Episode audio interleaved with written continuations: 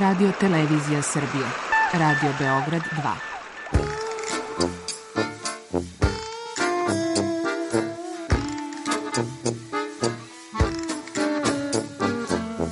Rekli su mi, gospodine, vi ste promašili temu. Pa ja sam onda promašio život. I ne znam šta će da bude sam. Kaže, ja ne mogu više te čuvam. Šta da ti radi, kaže. Snađi se kako znaš. Mi smo kao u kafesu. Za nas to je najmrtvo. To je mrtvo za nas. Naročito. I ja bih želela neko da me usvoji. To bih želela. Govori da bih te video. Program dokumentarnog zvuka.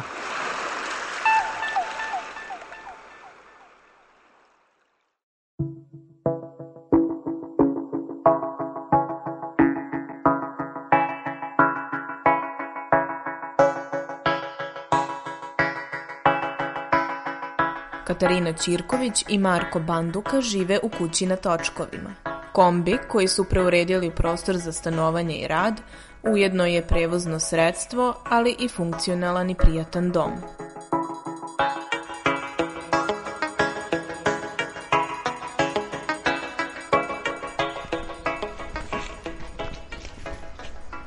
E pa dobrodošli u kuću mladih nomada. U našu kuću, putujuću. Prvo kada uđete u kombi, jel te sa desne strane se nalazi kuhinja, sa leve strane može da se sedne kao što Marko trenutno sedi.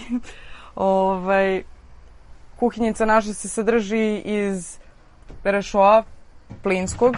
Plin, sam, plin nam se nalazi ovaj, ispod. Rešo je ovde gore. Fioka koje služe za stvari, sudopere koje još uvijek nije totalno u funkciji, tek treba da bude. Ovaj, fali nam da povežemo vodu. Za sad ćemo povezati samo vodu za privremeno korišćenje sa manjim balonima. U nekom budućem periodu treba postavimo veliki tank za vodu koji se nalazi ispod kombija i trebalo bi da imamo oko 50, 50 litara vode. Šoljice za kafu, nož, naravno, viljuške, to su neke osnovne potrepštine, ovaj, uh, upaljače za, za rešo i vlažne maramice, naravno, koje su najbitnija stvar u kombiju. I u skroz zadnjem delu kuhinje gore nam je radna ploča Ovo je Znači, baš simpatično, ovo Da, je fin rad- mekanizam. Da, ovo je fin mekanizam. A ispod te radne ploče nam se nalazi hemijski WC. Znači, hemijski WC uh, funkcioniše po principu tako što unutra postoji voda, to je jedna plastična kutija. Unutra postoji voda sa određenim hemikalijama koje ne dozvoljavaju da se ikakvi mirisi dešavaju iz tog WC-a. Tako da, ovaj, super radi posao. Ja sam isto bila jako skeptična i pitala sam se da li će se osjećati, međutim uopšte se ne osjeća i potpuno je funkcionalno, tako da kada otvorite ovaj deo imate tu uh, hemijski WC, a ono što treba još da uradimo jeste da ovaj, ovaj unutrašnji deo obložimo stakloplastikom ili tečnom gumom i da napravimo tuš kabinu ovde i vodu ćemo vući iz, uh, iz sudopere, znači uzimat ćemo crevo i tuširat ćemo se tako, a vodu ćemo da grejemo u šerpici. tako da nećemo imati bojler, nismo ga planirali, nego smo planirali ovaj, da nego smo planirali da ovaj, vodu grejemo u šerpici, što mislim da uopšte nije tako strašna stvar. E sad onda ću ja da predstavim sad struju, što se struje tiče. Imamo ovde jedan veliki deo. A, veoma onako izgleda dosta komplikovano, ali to je struja, mislim to nam pokreće, pokreće sve, ovo je velika baterija koja se ne vidi kraj, pošto ide tamo iza još. Velika baterija koja ono, sve ide preko nje. A, ona se napaja preko solarnih panela, a, dva solarna panela na krovu i puni se i preko alternatora, to je dok kombi radi dok se krećemo. A, ovde imamo invertor, to je da imamo 220 struju, a ovo je sve ostalo struja na 12 uh, volti. Evo imamo i usisivač poseban, to je Kaća morala obavezno da traži da može da usisava po kombiju. Ovo sad neki osigurači, procenat, evo ovde da imamo piše koliko baterije ima i tako dalje, kada li se puni, koliko sunca ima i tako dalje. A to je zapravo boks za sedenje. Da, to je zapravo boks za sedenje, evo ga i drugi boks za sedenje ovde. Trenutno je prazan, to jest ima možda neki... Bidon vode Bidon vode, neke gluposti. A, ovde na sredini evo imamo prvo dve utičnice za bukvalno na sve smo prešli mislim manje više sve što koristimo nam je na 12 volti osim kompjuteri, laptopovi oni moraju da imaju 220 zato imamo te dve utičnice a u sredini ovde se nalazi a, frižider koji isto radi na 12 volti i to je frižiderčić. I super hladi. ovaj, e sad onaj moment koji je mnogo simpatičan je ovo ovde misteriozno šta se nalazi iza bele ove. To je jedna od stvari koju nam je napravio ovaj drugar stolar, a to je jedan baš dobar sto na izvlačenje od punog drveta. Od bukovog drveta koje i ovo su neke posebne daske koje su ovaj, stajale jako dugo vremena pa su dobile oko savršene šare. I ovo je samo srce drveta, baš se vidi ovo. Da. Je, I mi možemo ovaj sto u suštini da izvučemo toliko da može četiri osobe da sedi i da jede. Prilično je veliki ovaj sto, tako da nam je okej za rad i sve da ovaj može da stoji tu. Ovde su nam punjači, imamo prekidač ovde za svetlo, čim uđemo u kombi sa leve strane. Ovde gore nam se nalaze USB ovaj, portovi za punjenje. Ovde su nam boksovi za stvari. Čini se kao da nije veliko, zapravo kad potrpaš stvari, dosta prostora ima tu. Tako da, ovaj, uh, to je to što se tiče unutrašnjeg dela kombija. I sad ima onaj najbolji deo ovamo, da. koji sad je malo haosa ovde, ali Ono u suštini kada, da. kada spavaš ovde, tu baciš pogled, ono, jastuk ti se nalazi, evo ga jastuk ovde ovako i probudiš se i pogledaš i ono, neko jezero puca. Gore imamo prozor, smo isekli ovaj, iznad kreveta, tako da imamo dodatak ventilacije u slučaju da ne možemo da otvaramo vrata ako se nalazimo negde. Ovaj, imamo taj prozor da nas spašava, da nam da iole malo kiselnika. O, I sad najveći boks otprilike je Da. pozadi, ono. Samo sekunde. Najveći boks pozadi, ono zašto smo se opredelili, pa sad imamo toliko prostora. To nam je tovarni prostor iz... I tu možda stane, kao što vidiš, evo ovako, kajak, oprema za ronjenje, štapovi za pecanje, odela, kampovanje, no, kampovanje, cipele za stolovi, kampovanje. cipele za planinarenje, tamo je sva oprema za kampovanje, vreće, šatori i tako dalje. Tu je iza frižider i to je to u suštini. A, je još jedan A- divni deo ovaj, svega toga, samo da nađemo merdevine. Da, ajde. Da ćemo moći bude. da možeš tu da... Da, to je baš dobra stvar koju smo uspeli da... Imamo i ove teleskopske merdevine, ovaj, možda najbolje, jedna od boljih stvari koje smo uspeli da nađemo i kupimo, dakle merdevine koje se sklapaju i onda ih samo ovako podigneš i imaš full visoke merdevine. Tako Marko, ajde ti, idi sam gore da, ovaj, Ajde, ja ću put. I te merdevine te vode do ovaj, terase. Na krovu kombija se nalazi terasa koju smo ono generacijski pravili. Moja cela porodica bila uključena u to. I super je stvarno ispalo. Malo smo nadogradili, praktično imamo kombi na dva sprata, otprilike. A, I to je to, ja mislim. Da, to je to od naše kuće. Naša kuća je i dalje ovaj, u radovima, ima još tu dosta stvari koje želimo da uradimo do kraja godine, ali za sad je toliko funkcionalna da mi možemo ovaj, da, da spavamo i da pravimo klopu i da se umivamo i da peremo zube i nama je to više nego dovoljno. I da E. putujemo, naravno, to je, to je najbitnije.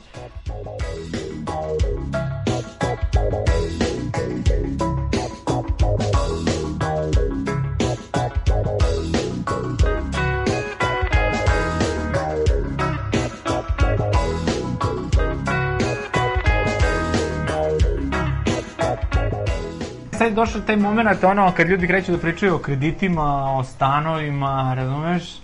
Nas malo to ježi, poprilično, to neko zaduživanje i zakucavanje u mestu. I onda smo mi bili u fazonu, ono, da te, u šta ćemo da uložimo ako ne u kuću koja se pomera, kao ajde uzmemo kombi. E sad što se tiče pravljenja samog kombija, to je posebna priča, mislim, a, mislim, normalno, normalno zavisi od e, budžeta, sredstva i vremena ko, koje ono, imate nekako sigurno je jednostavno ako imaš para da nekom oteraš kombi, platiš mu, daš mu nacrt ti, on uzme i napravi sve to i ti sediš kući, ono, piješ pivce i uživaš.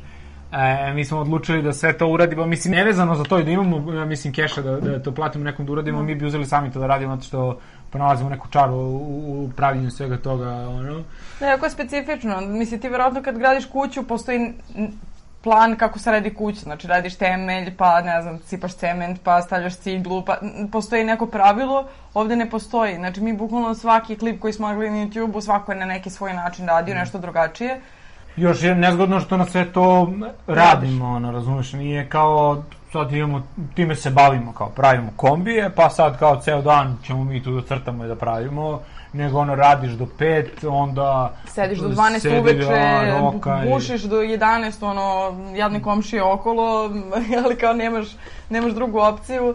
I, ovaj, i onda kao završavaš u 12, a onda do 12 čistiš to sve što si napravio i kao legneš u 1 i sutradan ponovo. Ti kupuješ konzervu jednu praznu. Mislim, to je bukvalno konzerva koju treba da izoluješ prvo od toplote i hladnoće, drugo Pa- da postaviš ajde struju i ostale stvari. Mislim, to je sve kao ukratko, ono. Ali Da, ti praktično radiš kao kuću u suštini, samo što da kažeš imaš ivice. imaš neku konstrukciju, ono, ali normalno šta radiš na kući, radiš ono, izolaciju da ti bude toplo ili hladno unutra, radiš struju i onda kad sve to završiš, onda radiš nameštaj, ne, da, tako ga nazovemo. Mislim, to je kuhinja, sve radiš u šest kvadrata, ono.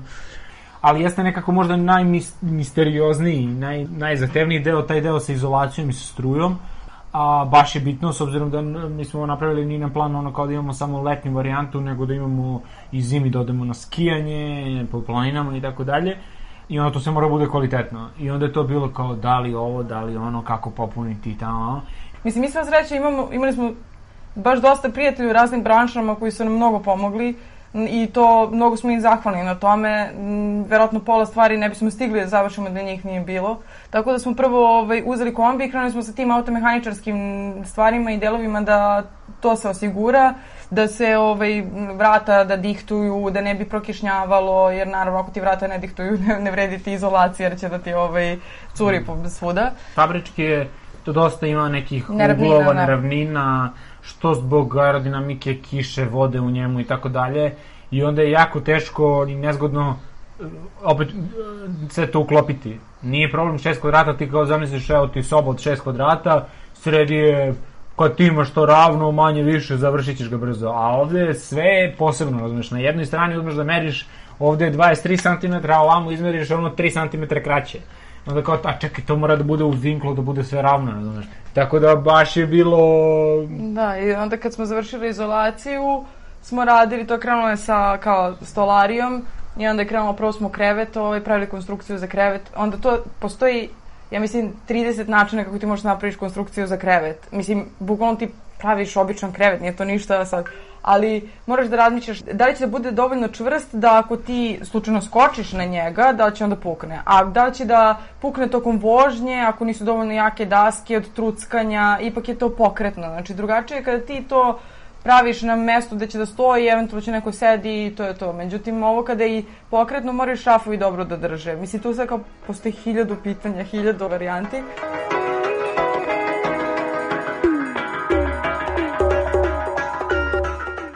Od nekog januara mi smo mm, odlučili da ovu godinu provedemo tako što nećemo živeti na jednom mestu.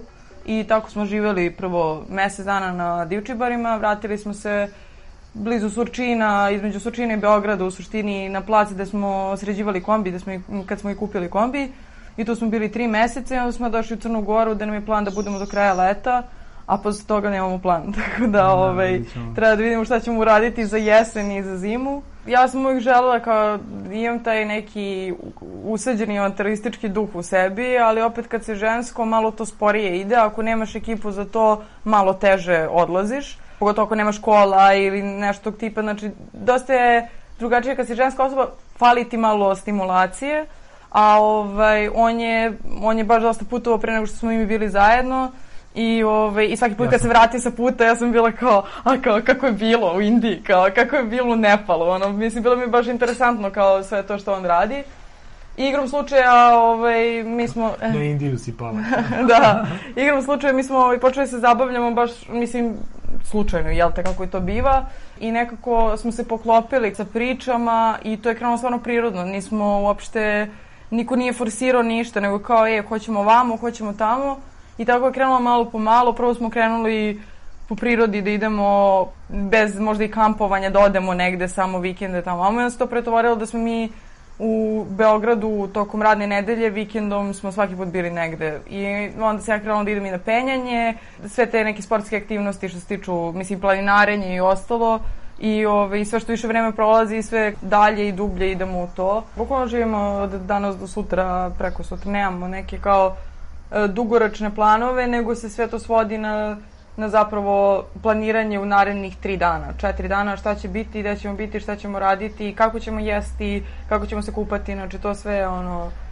Mislim, generalno smo tako funkcionisali, a sad kao pogotovo. To jest, u, s ovim dobiješ malo zonu komfora. Da, u našem slučaju, zato što pre toga kampuješ, znači, ono, odeš 3, 5, 7 dana, si u šatoru, znači tad tek nema Znači, ono, toalet ti je priroda, voda ti iz bidona, jedeš iz neke čantrice, kuvaš na vatri, znači sve te stvari, ono, prljav si od zemlje i ostalo, a kombi Ovo je sada ono pet zvezdica. Tako da u tom smislu nama je da stvarno sad kao mi se vratili na kroz onom komfora kao živimo u kombiju.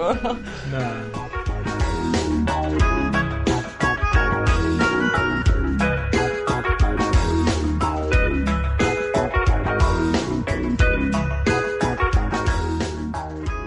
pre nego smo kupili kombi, ja mislim kad smo se kad smo odjavili gajbu u, u, u centru i kad smo krenuli to mesec dana divčibare, pa onda vikendice tri meseca, mi smo popakovali sve one stvari u neke džakove, neke kutije i onda tek shvatiš da 90% džakova i ti kutije ne otvaraš, u suštini koristiš nekih 10% koji da li se igrom slučaja našlo na vrhu te kutije i džaka, a, ali to je to, onda shvatiš da ti ne treba tih ono, 15 pari patika i cipela, ne znam koliko nekih majici i tako dalje. I onda tako kad kreneš da menjaš, u suštini šta je poenta, kad kreneš da, me, kad kreneš da menjaš mesta često, zapravo shvatiš koliko od tih stvari ti nije potrebno, jer e, menjanjem ovaj, svaki put neke lokacije ti si u fazonu, aha, ok, ovo ne moram da ponesem, ili ću ovo da spakujem, ne treba mi sad, jeste li lepo. Mislim, ja sam esteta i mnogo volim biljke, mnogo volim neke stvari i neke mi stvari nedostaju, sad to kao uđem u prodavnicu, vidim ono, neku prelepu saksiju, kao ja sam u fazonu, wow, baš bi kupila, ali nemam gde da je stavim, ono.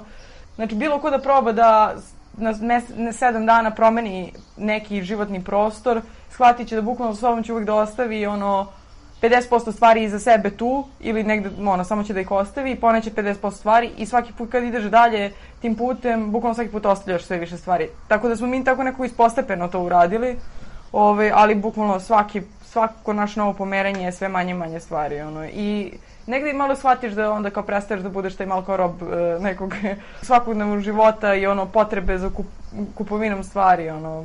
Nekako to što si ti rekla kao vezuju se ljudi za stvari, ne znam, jeste kao ono, sad kad se okrenemo to Stančić kako smo bili skockali na neki naš fazon gde je šta stajalo, znaš, a onda opet sad kad pogledaš mi sad sami sebi opet pravimo neki drugi ambijent, mislim ono, probudimo se i otvorimo vrata i on ispred nas je neko jezero i neke neverovatne planine, stene, kamenje, znaš, možda to više sad prihvatamo kao kuću i onda nam je, a lepo je svakako i drugačije i stalno nešto novo.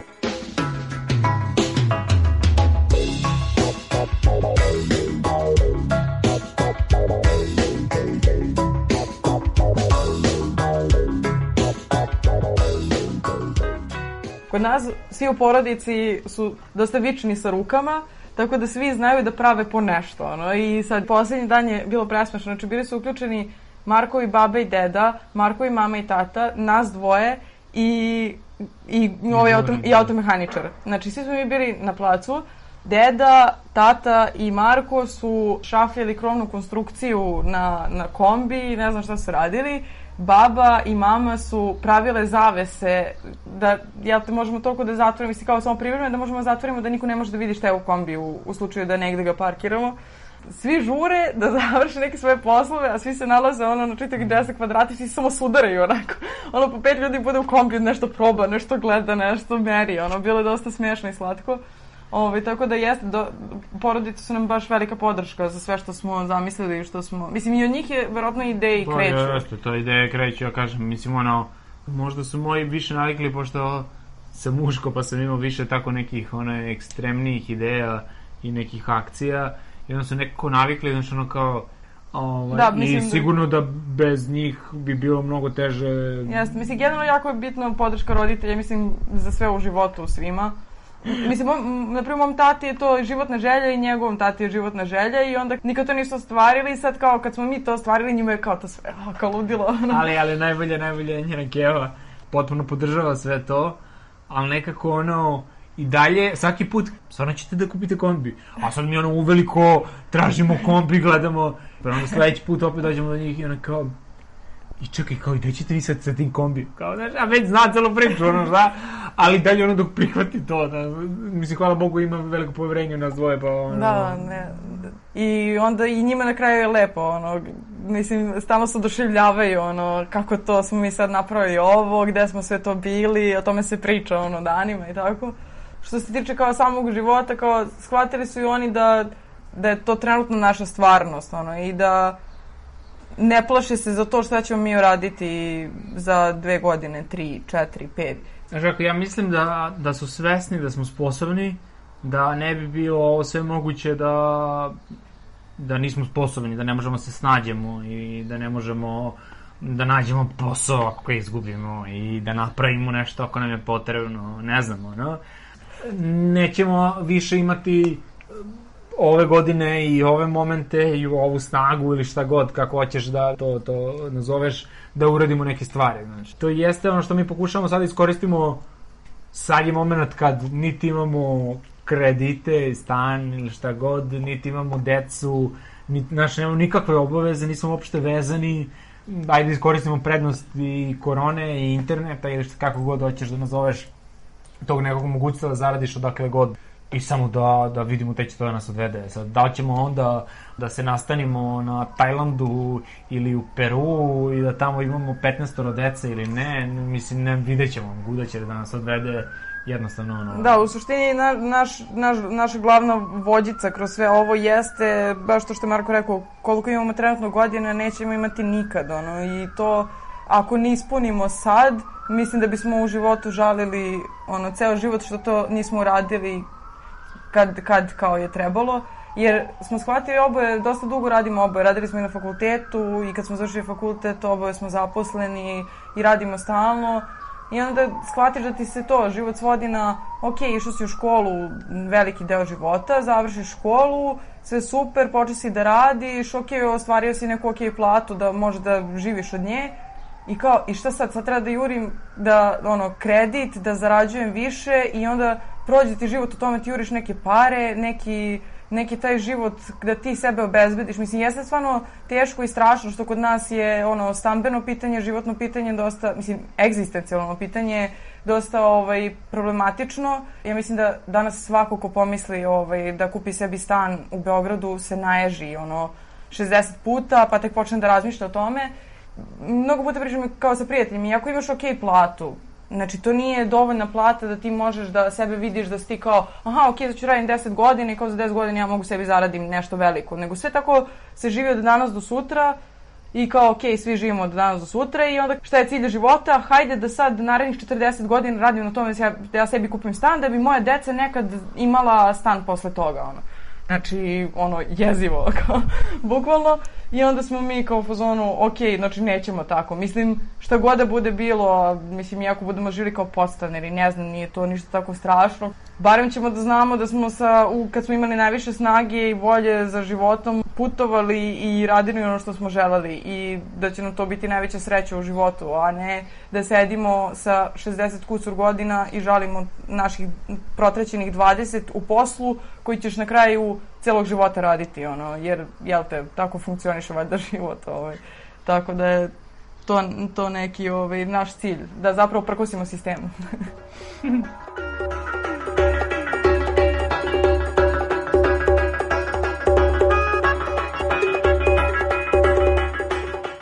Daleko toga da ja mislim da svako to može, nije to za svakoga, ali mislim da mnogo ljudi ima neku želju da ode negde, da uradi nešto, vidi, ali nekako se plaši i čeka neki moment da dođe ta sigurnost, da, a to može da ne dođe ni za 40 godina, ne, možda ne dođe nikad do kraja života, razumeš. Mogu kažem da sam vidio, da sam proputovao video upozna neke ljude i ono kad sam video neke mlađe osobe od mene da se nalaze po nekim čukama ono, u Nepalu, razumeš, neka devojka 18 godina, kao tu do, došla kao 3 meseca.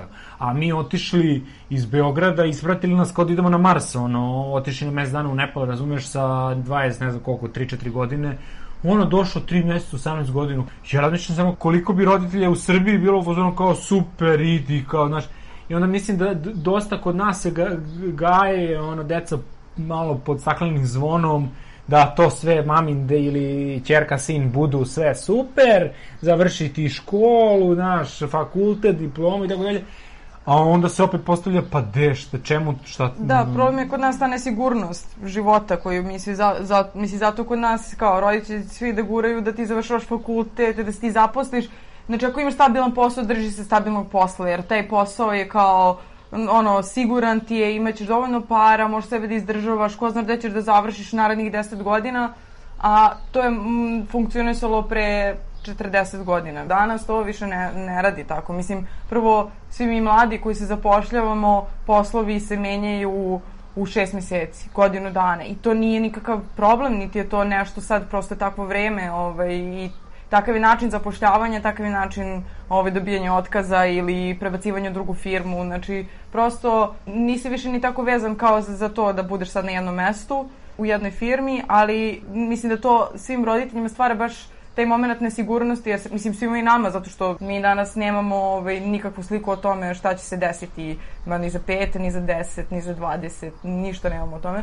Tako da, baš iz tog razloga, što je tako sve nesigurno, mislim da i kod nas i vlada taj princip da se roditelji plaše da njihovo dete ode putuje šest meseci negde pa se vrati pa se snađi i kao živeće ok život. Negde više kod nas ta cela nesigurnost malo i dovela do toga da se mi svi na kraju zapitamo kako ćemo mi da živimo, uh, kako ćemo decu da rađamo, kako ćemo da ovaj, imamo da, stan. Meni je Mislim, to, su- paradoksalno s s obzirom da ono, mi smo 94. godište i rođeni smo u momentu kad nije uopšte cvetalo ono ovde razumeš, imaš ratove, sankcije i tako dalje, pa su se snašlo, ispali smo kako smo ispali, i, i stan, i krov nad glavom, i puto, ono, neko letovanje i tako dalje.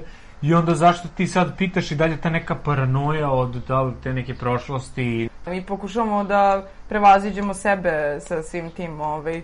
Zapravo, jeste poenta da čovjek bude valjda srećan na kraju života i da prati ono što njegov organizam želi.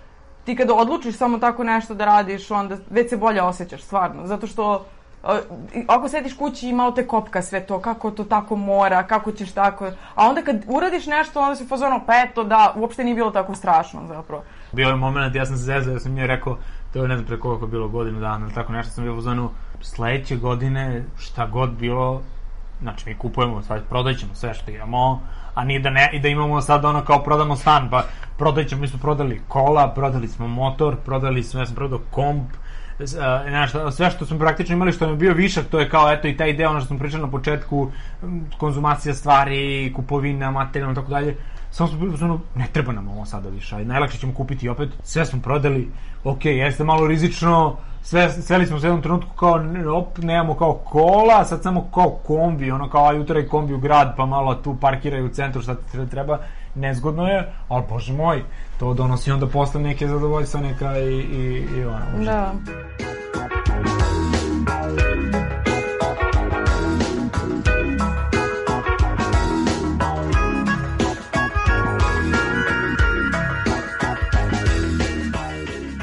Ono što nas najviše interesuje jeste taj moment divljine i potpuno isključenje od uh, ono, ljudi, gužve, bilo kakvog ove, ljudskog prisustva i uživanje u samo tom momentu. Da, mislim, pazi, to je ono što smo već rekli, nije da to nismo radili pre, samo što je to bio šator, mm, ili hemok, ali šator kao najveći broj slučajeva.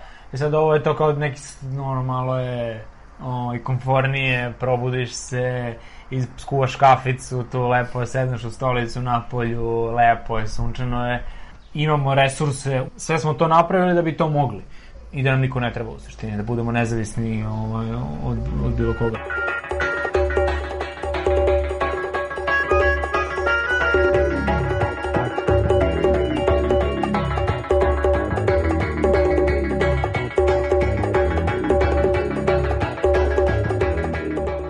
Reportaži Mladi nomadi govorili su Katarina Ćirković i Marko Banduka. Autor Milena Radić.